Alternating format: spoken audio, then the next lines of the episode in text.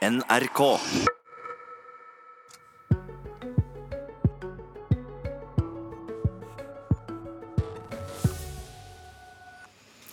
Nå til noe helt annet for vinylplater. Dersom du trodde at det var et ferdigspilt eh, kapittel, da tar du feil, for det er nemlig i vinden igjen. Grim Vinyl i Kristiansand har ikke engang rukket å åpne offisielt, men folk strømmer til både for å handle, men også for en sentimental reise blant eh, gamle platecover.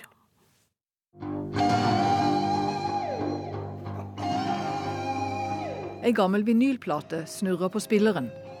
Det er mer enn bare musikk.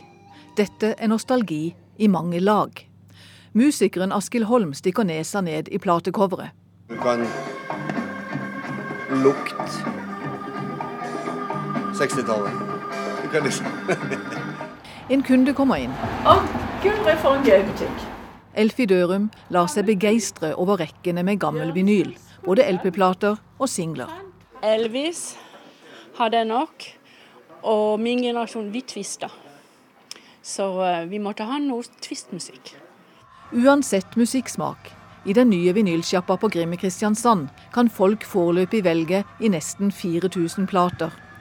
Inklusive innehaver Jan Thorsens egen vinylsamling. Jeg har jo egentlig vært platesamler siden jeg var ganske liten sjøl og hatt en ganske stor samling. Og så syns jeg det var litt gøy å formidle til andre at de kunne oppleve den gode lyden i forhold til det, det de kanskje er vant med nå i, i, i CD-lyden. Det dreier seg ikke bare om musikken. Platecoveret har også en historie å fortelle.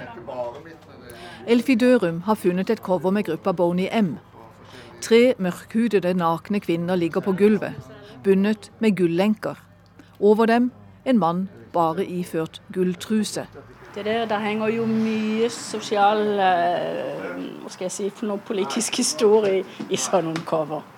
Hva vi kan vise i dag, hva vi ikke kan vise i dag. Jan Ove Johansen har funnet akkurat de LP-platene med Gasoline som han ikke hadde i samlingen sin fra før. Det er jo fantastisk at noen, noen eh, gidder å, å, å, satse på vinylplater. Altså det, for det er jo For, for oss som er, er det noen år, så er jo det nostalgi med Og lydmessig så er det jo, eh, er det jo fullt på høyde med det digitale, kanskje hvis ikke bedre. Askild Holm har ordnet presang til åpningen. Spesiallagede T-skjorter med logoen til Grim Vinyl. Han har vært en pådriver for å få på plass en platebutikk i nabolaget.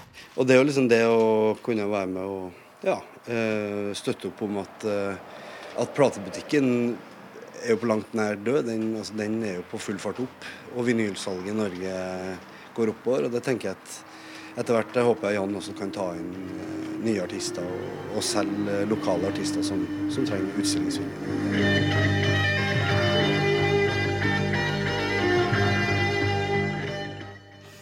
Reporter her, det var Hilde Skarvøy Gjestland.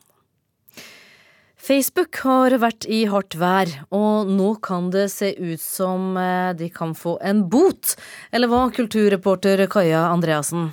Ja, etter Cambridge Analytica-skandalen i mars, hvor millioner av personopplysninger Cambridge Analytica hadde samlet inn eh, om Facebook-brukere, eh, som de bl.a. solgte til Donald Trump og hans valgstab, kunngjorde det britiske datatilsynet natt til i dag at de foreslår å ilegge Facebook en bot, skriver Dagbladet. Men denne boten da, den er ikke så altfor stor? Det kommer an på hvordan man ser det. Datatilsynet de foreslår 5 millioner kroner, men det er jo bare lommerusk i forhold til Facebook sitt overskudd på 47 milliarder kroner i første kvartal i år. Men Datatilsynet mener dette sender et klart signal om at denne problematikken må tas på alvor. Ja, Og det, det kan bli flere bøter senere? Facebook de etterforskes jo også i andre land, så det kan hende at dette bare er den første i rekken av mange. Fan of weed and a fan of good food, then you've come to the right place. Two terrific chefs will go bud for bud in this cannabis cook-off using one secret ingredient. It's weed. ja, Kaja, dette er ikke Facebook-boten. Hva er det vi hørte her? Dette er traileren til Netflix sitt nye kokkeshow Cooking on High, eh, som er en matlagingskonkurranse der to kokker lager marihuanaretter til et eh, dommerpanel.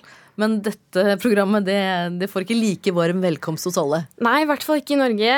Pernille Huseby, som er generalsekretær i rusfeltets samarbeidsorgan Actis, sier til NTB at de frykter at denne typen programmer vil øke den sosiale aksepten for cannabis blant unge.